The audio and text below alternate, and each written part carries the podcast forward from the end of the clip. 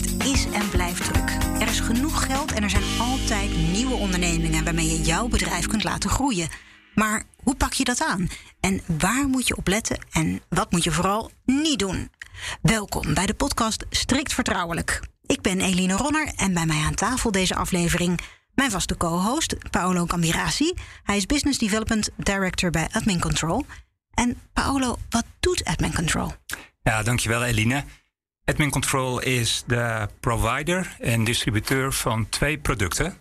Te weten boardportals en datarooms. En datarooms zijn belangrijke instrumenten die ingezet worden tijdens bedrijfsovernameprocessen. En daarnaast is ook John Reinders, Area Director Benelux van Visma, bij aangeschoven. Admin Control is een dochter van, uh, van Visma, dus kennen jullie elkaar eigenlijk al? Of is uh, deze podcast een eerste kennismaking? Een eerste fysieke kennismaking, hoe gek het ook is. Uh, maar we kennen elkaar wel, ja. Hey, en Visma is wat bekender op de Nederlandse markt. Maar kun je toch een korte toelichting geven? Ja, natuurlijk. Leuk om hier te zijn. Uh, ik heb het altijd over de grootste scale-up van Europa. Dat is eigenlijk wat, uh, wat Visma is. En onze missie is shaping the future of society through, uh, through technology. Ons doel is echt om ondernemers, accountants, uh, verpleegkundigen, onderwijzers, ambtenaren te helpen om hun werk leuker te maken en de complexe processen waar zij dagdagelijks mee te maken hebben te vereenvoudigen en te digitaliseren. En dat doen we ja, met een groep fantastische mensen. Intussen in Europa met uh, ja, meer dan 14.000 enorm betrokken collega's. Samen bedienen we met heel veel passie uh, op dagdagelijkse basis een miljoen klanten. In de Benelux hebben we ook aardig doorgepakt de laatste jaren. En uh, het Benelux-team hebben we intussen met ja, meer dan 4.000 man en 30 fantastische ondernemingen als onderdeel van de Visma-familie hier. Jeetje, flink gegroeid dus. En jullie zijn beide behoorlijk bekend op de Nederlandse overnamemarkt. Paolo, hoeveel overnames heb je eigenlijk in de benen? Nou, ik zelf heb geen overnames in de benen, uh, maar onze klanten. En uh, zoals gezegd, wij zijn nog maar, eigenlijk maar heel kort uh, op de Nederlandse markt actief met Admin Control. We zijn weliswaar marktleider in de Scandinavische landen, maar hier nog, ja, eigenlijk nog geen naam en faam.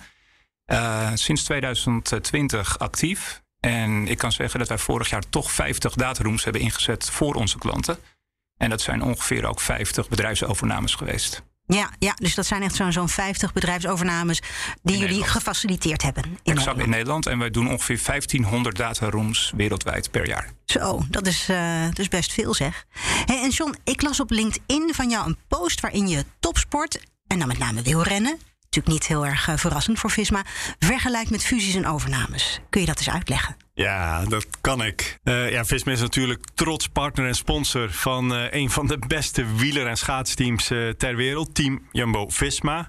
En het credo van dat team is samen winnen. En in dat credo zit gewoon heel veel analogie met, met, met M&A. Als, als startpunt geloof ik zelf oprecht dat een goede deal een deal is waarbij beide partijen winnen. Koper en verkoper. Daar zit dat samen in. M&A is ook echt een teamsport. Het is best een complexe discipline waarbij heel veel teamwork over verschillende pilaren gedaan moet worden. Alleen in je eentje kan je niet succesvol zijn. En de laatste metafoor of analogie met topsport is wel competitie. Zeker in de softwaremarkt waar wij actief zijn, zijn we niet de enige uh, die geïnteresseerd zijn om acquisities over te doen. En uh, ja, daar is het dus ook leuk om je game elke dag weer, weer te verbeteren. Maar het is wel belangrijk dat je in deze markt niet gek laat maken. Blijf bij je eigen DNA, blijf bij je eigen plan, blijf bij je eigen ja, teamstrategie. Dus, uh, en dat maakt de sport heel erg leuk. En waarom zijn overnames nu strategisch ook zo belangrijk voor een organisatie als Visma?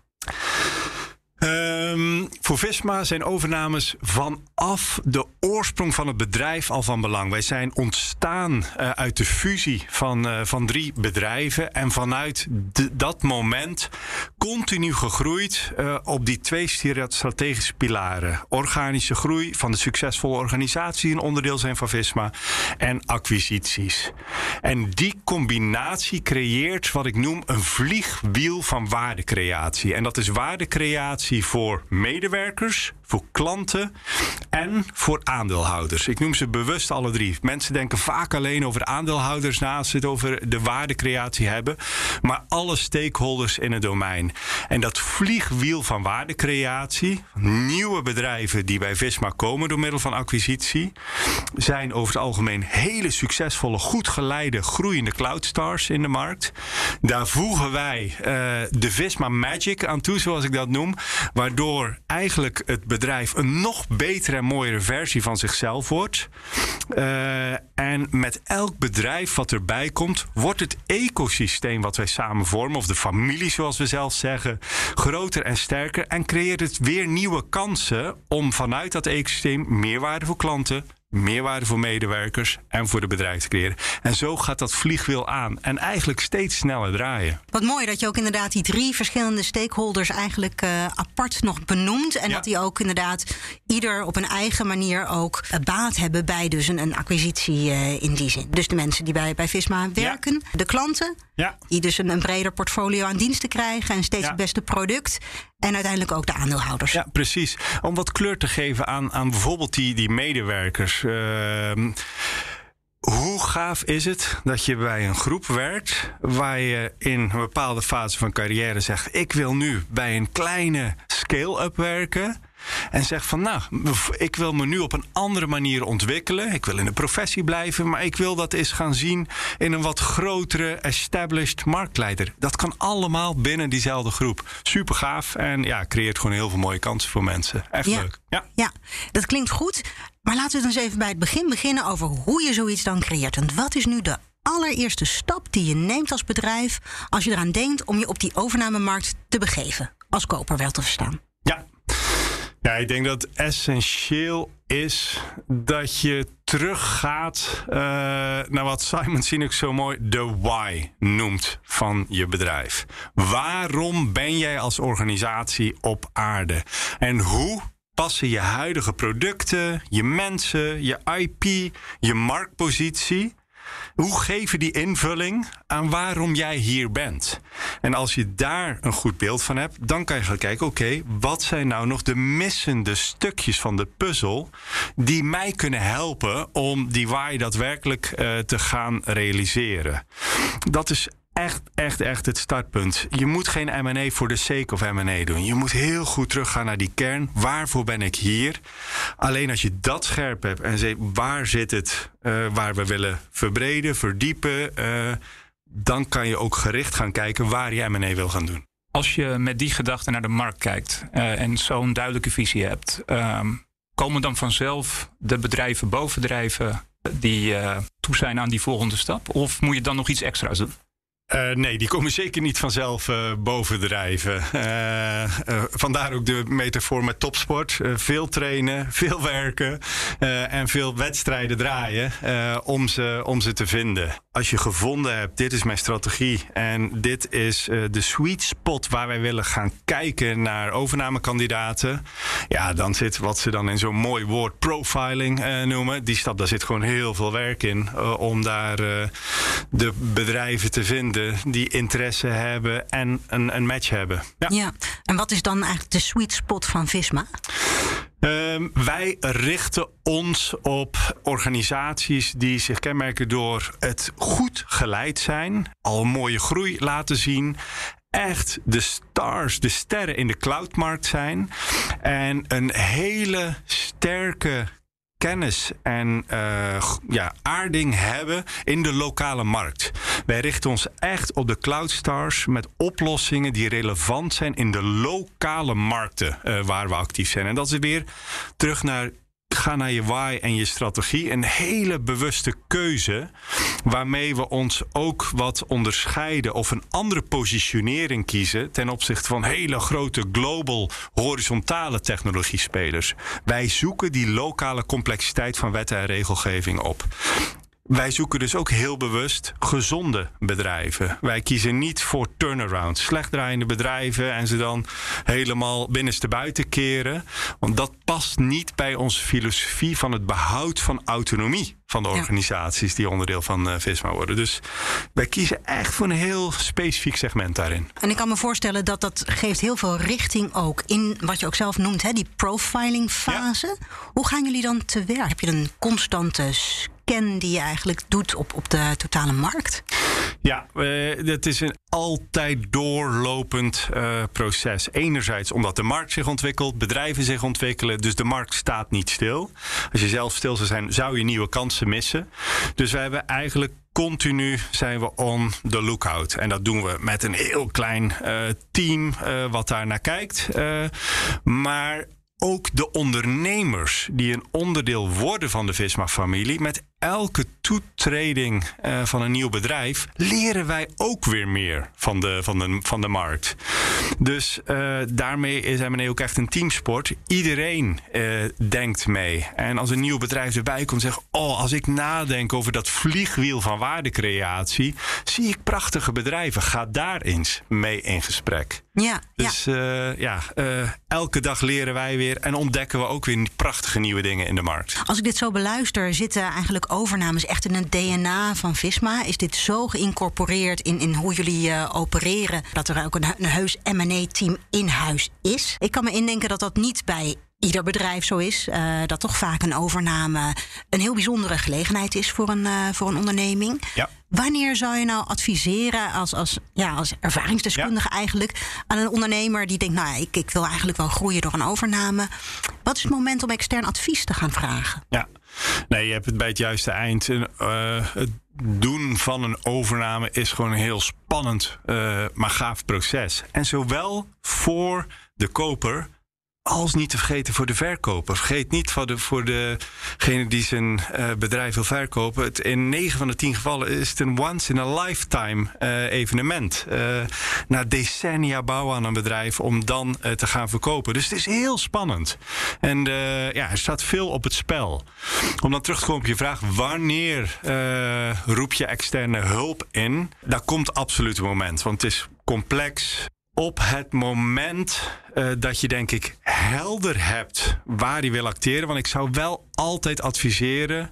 Zoek je why, je strategie en je sweet spot. Blijf daar heel dicht bij jezelf en hou de regie op dat deel van het proces. Dat kan je niet outsourcen van een adviseur vragen. Dat is de core van je eigen verantwoordelijkheid. Op het moment dat je die hebt, dan kan je zeggen van ja, ik vind het gewoon heel lastig om te vinden waar zitten nou de kansen in de markt, welke bedrijven zijn er. Als dat je vraag is, zou dat het moment zijn?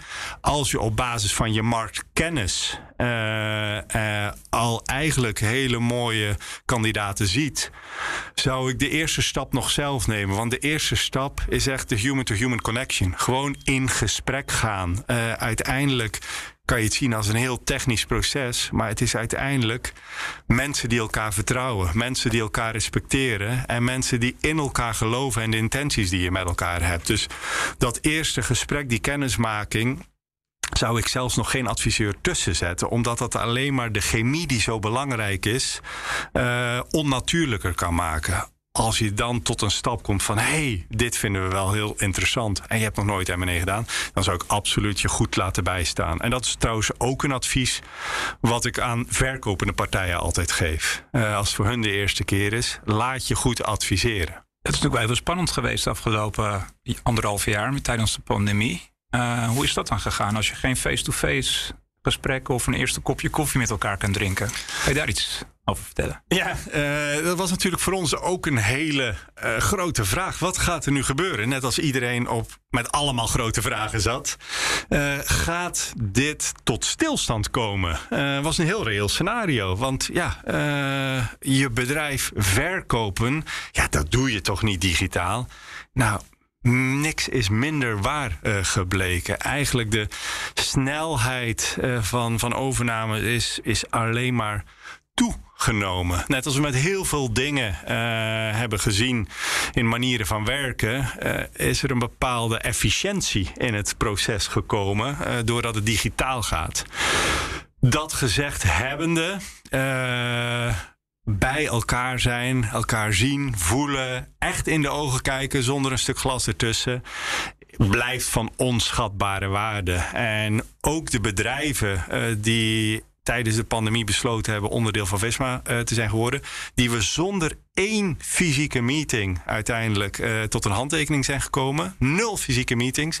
Het moment waarop we elkaar daarna voor het eerst zagen in dezelfde ruimte was nog steeds het allermooiste moment. Uh, maar gelukkig in de, deze gevallen, alles wat we hoopten en voelden, ook echt bewaarheid uh, werd. Uh, dus als het niet zou moeten, gaan we altijd uh, uh, met elkaar in een ruimte zitten. Want het lijkt me best lastig om ook, hè, je zegt ook, het, het menselijke contact en vertrouwen is eigenlijk heel erg belangrijk ja. in het doen van een ja. overname. Hoe kun je dat vertrouwen ook over en weer winnen uh, digitaal, zonder dat je elkaar echt fysiek in de ogen kijkt? Ja, niet veel anders uh, dan uh, je het in face-to-face -face setting doet. Voor mij begint het met een authentieke grondhouding van intrinsiek geïnteresseerd zijn. Uh, in met wie je aan tafel zit. En of dat nou een virtuele tafel is of of een fysieke tafel heb je die intrinsieke nieuwsgierigheid van hey, is dit echt wat ik denk dat het is? hey, wie zijn die mensen nou die dit prachtige bedrijf hebben, hebben neergezet? En wat voor cultuur leeft er nou? Wat, wat, hoe, hoe bloeit en groeit die organisatie? Hoe komen beslissingen tot stand? Uh, dus ja, en die grondhouding kan je nog steeds hebben, ook als er een scherm uh, tussen, tussen zit. Het lezen van uh, signaal is natuurlijk wel, wel anders uh, dan dat je met elkaar in de ruimte zit. En waar je nog eens ja, door het gebouw loopt en zo ook eens ruikt en voelt en snuffelt. wat gebeurt er hier nou allemaal in dit bedrijf? naast de paar mensen die betrokken zijn. Want het is vaak een vrij selecte groep die betrokken is bij een verkoopproces. Voor de rest van het bedrijf is het in 99 van de 100 gevallen een groot geheim. En dat is altijd wel fijn. Even door het gebouw lopen, even kijken, even ruiken. En dat mis je dan echt wel virtueel. Ik vind het toch wel machtig interessant hoor. Want het lijkt mij zo spannend dat je. Nou, dan heb je dus een aantal bedrijven op je profilinglist. Ja. En dan ga je contact maken. Ja. Heb je nou bij die eerste ontmoeting ook een aantal vragen die je altijd stelt? Of dingen waar je altijd op let? Niet bewust in ieder geval. Um, elk bedrijf is uniek. Uh, elk persoon is, uh, is uniek. Uh, dus ik probeer mezelf en het team er ook echt van te behoeden om er een, een standaard proces van te maken. Dus het huiswerk wat we met intensiteit en interesse doen van tevoren om je echt te verdiepen. En daar dan over in gesprek te gaan en je nog te laten verrassen, uh, is, is van belang. Maar er zijn wel onderwerpen waar je altijd aan raakt. Ik vind het altijd heel belangrijk om gewoon de, de, de drijfveren van mensen uh, te begrijpen uh, waarmee we aan tafel zitten. Ik vind het al heel fijn om te begrijpen hoe komt besluitvorming tot stand in, een, in een organisatie. Natuurlijk is het interessant om bepaalde informatie ten aanzien van de de, financiële gezondheid uh, van een bedrijf te weten. Want er is best veel aan research uh, te doen. Omvang van de organisatie, rollen die er zijn, aannamebeleid. Maar feitelijk juiste financiële informatie is iets wat best wel lastig is extern te verkrijgen. En even een interessante vraag dan, want weet je het eigenlijk al na een eerste gesprek? Je hebt waarschijnlijk nog niet alles verkend, maar mm -hmm. wat zegt je gevoel dan? Kan je, kan je daarop terugvallen? Of heb je nog echt meerdere gesprekken nodig om dan te zeggen: oké, dit is een potentiële interessante kandidaat? Ik denk dat aan de koperskant weet je het na het eerste gesprek. Uh, ja, van, dan, dan schreeuwt je intuïtie gewoon: wat een gave club. Wat een culturele match. Wat een fijne mensen. Wat een mooi product. Uh, of niet. Aan de verkoperskant uh, kan ik me voorstellen dat dat er niet meteen is. Ik denk wel mm -hmm. dat gevoel met mensen, maar dat er daar nog heel veel vragen leven. Uh, om, ja, wat ik zeg, once in a lifetime voor zo'n ondernemer. Dus ik denk dat de verbinding, uh, die kan er dan zijn, maar er spelen dan zoveel vragen. En het is ook zo spannend voor zo'n ondernemer. Wat is eigenlijk de meest voorkomende reden waarop een voorgenomen overname afketst? Ik denk de meest voorkomende reden uh, waarom een proces niet echt start of afketst, is denk dat de, verkoper gewoon niet klaar is om uh, die volgende stap in uh, de ontwikkeling van zijn bedrijf te zetten. Want uiteindelijk kunnen we kopers heel erg belangrijk vinden, maar de verkoper is degene die uiteindelijk bepaalt. Dus is die persoon er echt klaar voor? Rationeel en emotioneel. Ik denk dat dat een, een belangrijke is. Een tweede aspect waar ik in de markt deals zie doen, dat partijen gewoon te pushy zijn. Een verkoopproces heeft gewoon soms zijn tijd nodig. Ik heb voorbeelden van bedrijven die in 2020 bij Visma zijn gekomen waar tien jaar voor dato het eerste contact al heeft plaatsgevonden. Uh, dus het kan even duren soms. We hebben ook voorbeelden waar tussen initiële contact en de deal uh, een maand zit. Uh, dus het zijn wel twee extreme. En de derde is aan de koperkant is natuurlijk ook heel spannend. Het is een grote investering die je doet met beperkte informatie. En het vraagt een bepaalde ja, uh, risico-appetite. Uh, want op het moment dat je alle risico's in een overname wil wegmanagen, dan ga je de deal kapot analyseren. Uh, want dan is er elke dag wel weer een nieuwe vervolgvraag op de vorige vraag die je hebt gesteld. En dan ja, zijn beide partijen er op een gegeven moment gewoon klaar mee. Dus analyseer een deal niet kapot. Op een gegeven moment is wat je weet genoeg. En dan moet je die judgment call durven doen. We gaan ervoor. En we zijn bereid dat risico doen en het avontuur samen aan te gaan. Ja. ja, en ik kan me voorstellen dat ook het kapot analyseren ook een beetje samenhangt waarschijnlijk met er klaar voor zijn of niet. Dat dat een, een symptoom is van een partij die er niet klaar voor is. Ja. Dat je dan ja, een gevoel probeert te weg te rationaliseren. Ja, of waar de chemie er niet is, waar de dynamiek niet klopt. Van ja, hé, hey, vertrouw ik jou nou echt? Ga je echt uh, die cijfers laten zien? Uh, zijn je klanten echt zo tevreden zoals je zegt? Dat vertrouwen moet er zijn. Uh, met elkaar. Ja. Je kan prachtige dingen vastleggen in, in contracten. Maar je moet starten met vertrouwen. Ja. ja, en wat dat dan gaat, lijkt het me ook wel een, een, een, dun lijntje om op te lopen. Aan de ene kant wil je wel, denk ik, een beetje ja, het proces gaande houden. Ja. En aan de andere kant ook niet te pushy zijn. Ja. Uh, aan de ene kant natuurlijk ook heel zakelijk erin zitten en gewoon een, een accurate waardebepaling doen. Ja. Laten we wel wezen. Ja. Aan de andere kant ook weer niet de deel kapot analyseren. Dat zijn toch wel steeds, dat voelt een beetje als steeds een, een balanceeract. Ja. Ja, en, en als je het al een tijdje doet, uh, zoals wij doen, dan, ja, dan heb je een bepaalde ervaring waar je op kan, uh, kan bouwen, kan vertrouwen. Waardoor je ook ja, een hele hoge mate van dealzekerheid kan geven aan, uh, aan verkopers op het moment dat je een proces ingaat met elkaar. Maar ik kan me heel goed voorstellen voor ondernemers die net beginnen aan het doen van overnames dat dat best wel spannend is. Wanneer is genoeg genoeg aan, uh, aan informatie? Ja, dus daar komt ook weer een adviseur die dan zegt van... nou, dit is kwalitatief goed, je hebt er een juiste assurance. Uh, ja, dat gaat ook helpen. Want gebruik, uh, maak je bij Visma ook nog vaak gebruik van toch nog externe adviseurs? Ook al heb je een eigen team? minimaal. Dat is eigenlijk meer vanuit een, uh, soms een capaciteitsperspectief. Want we hebben echt een super klein uh, en super bevlogen team. Soms hebben we gewoon te weinig capaciteit en dan uh, hebben wij ook ondersteuning daarop. Wat is wat jou betreft nou het meest onderschatte aspect van een overname?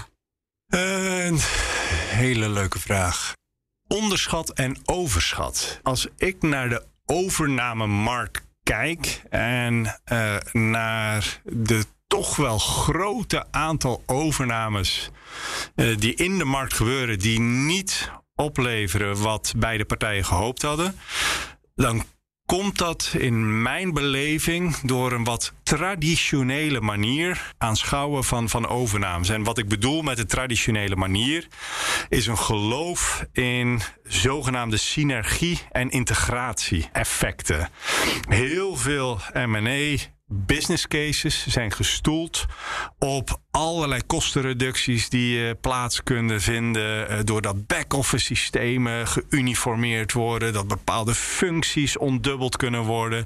Dat er heel veel mee bespaard wordt. Dus heel erg naar die kostenkant gekeken wordt.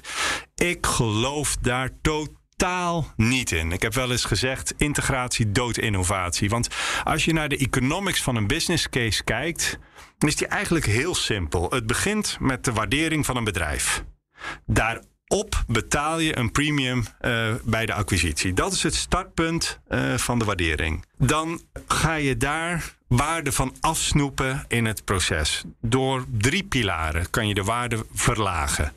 De eerste zijn de kosten die je moet maken als je zo'n integratieproces ingaat. Uh, IT-systemen, finance-systemen uh, integreren. Dat kan tot zo'n 15% van de waarde, blijkt het onderzoek, afnemen van de waardering. Dat is één. Tweede is verlies van klanten. Bij integratietrajecten zie je vaak dat er één, twee jaar een enorme interne focus uh, binnen een organisatie ontstaat. Dat klanten vergeten worden, dat innovatie stopt uh, en dat klanten zich niet meer herkennen in wie hun partner voorheen was in deze nieuwe constellatie. Dat leidt soms tot 10% waardeverlaging. Dat is de tweede component. De derde component is het verlies van mensen en simpelweg focus op, op de business. Ook medewerkers kiezen voor een bedrijf omdat ze houden van de cultuur, omdat ze geloven in de leiders, de omvang misschien bij hun past. En uh, op het moment dat je overgenomen wordt en alles wordt geïntegreerd, je moet opeens diezelfde waarden op de muur gaan plakken als het bedrijf wat je overneemt, loopt talent gewoon weg. Ook dat is een component die tot 10% waardevermindering kan leiden. Als je die optelt, kom je al tot 45% vermindering. Wat je goed moet maken met uh, hoe je een bedrijf uh, sterker kan laten groeien of meerwaarde kan laten bieden. Nou, dat is denk ik een enorme valkuil die ik heel veel zie gebeuren bij overnames. En hoe zorg je ervoor dat je daar niet intrapt? Nou ja, wij hebben een heel simpel antwoord op. Wij geloven niet in die integraties. Maar ja, dat is onze filosofie. Dat is een vrij unieke filosofie. Er zijn maar weinig bedrijven die daarvoor kiezen. Ik kan me voorstellen dat dat niet voor ieder bedrijf uh, weggelegd is. Dus hoe voorkom je het dan als je zegt we willen toch uh, integreren?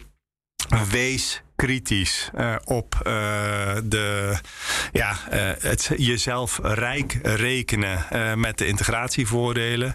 Wees je bewust van de risico's voor de waardevermindering, zoals ik die net had. En ook daar weer, don't push it. En uiteindelijk, bedrijven bestaan uit mensen die samen prachtige producten maken waarmee ze klanten uh, bedienen. De sensitiviteit vanaf dag één, en dat is super belangrijk, dat dat op dag één begint voor die andere cultuur, dat andere DNA en daar empathie voor hebben. Ik denk dat empathie eigenlijk een heel belangrijk woord hierin is. Is denk ik een, eh, een hele belangrijke. En het hele M&A-proces tot de handtekening is eigenlijk ondergeschikt aan de impact die je op dag 1 kan maken. Die eerste town hall meeting waarin het nieuws bekend maakt. Hoe sta je daar samen? Kopende, verkopende partij. Wat voor geluid laat je horen? Laat je echt zien dat je de mensen ziet. Super belangrijk. Heb je ook nog tips om dat goed te doen? Wat ik zelf altijd doe, is eigenlijk mijn verhaal, uh, wat ik vaak vertel, om wat gevoel te geven bij wie is Visma eerst eens even te vertellen tegen de, eh, de verkopende partij. En zeg van ja. Wat zijn nou woorden die bijvoorbeeld niet passen in jullie cultuur? Ieder, iedere organisatie heeft zijn eigen dialect. Uh, en de tweede, wat ik zelf heel fijn en heel belangrijk vind, is maak het niet te formeel. Dus er is altijd zo'n formeel moment, het nieuws, de presentatie, de mail die eruit gaat.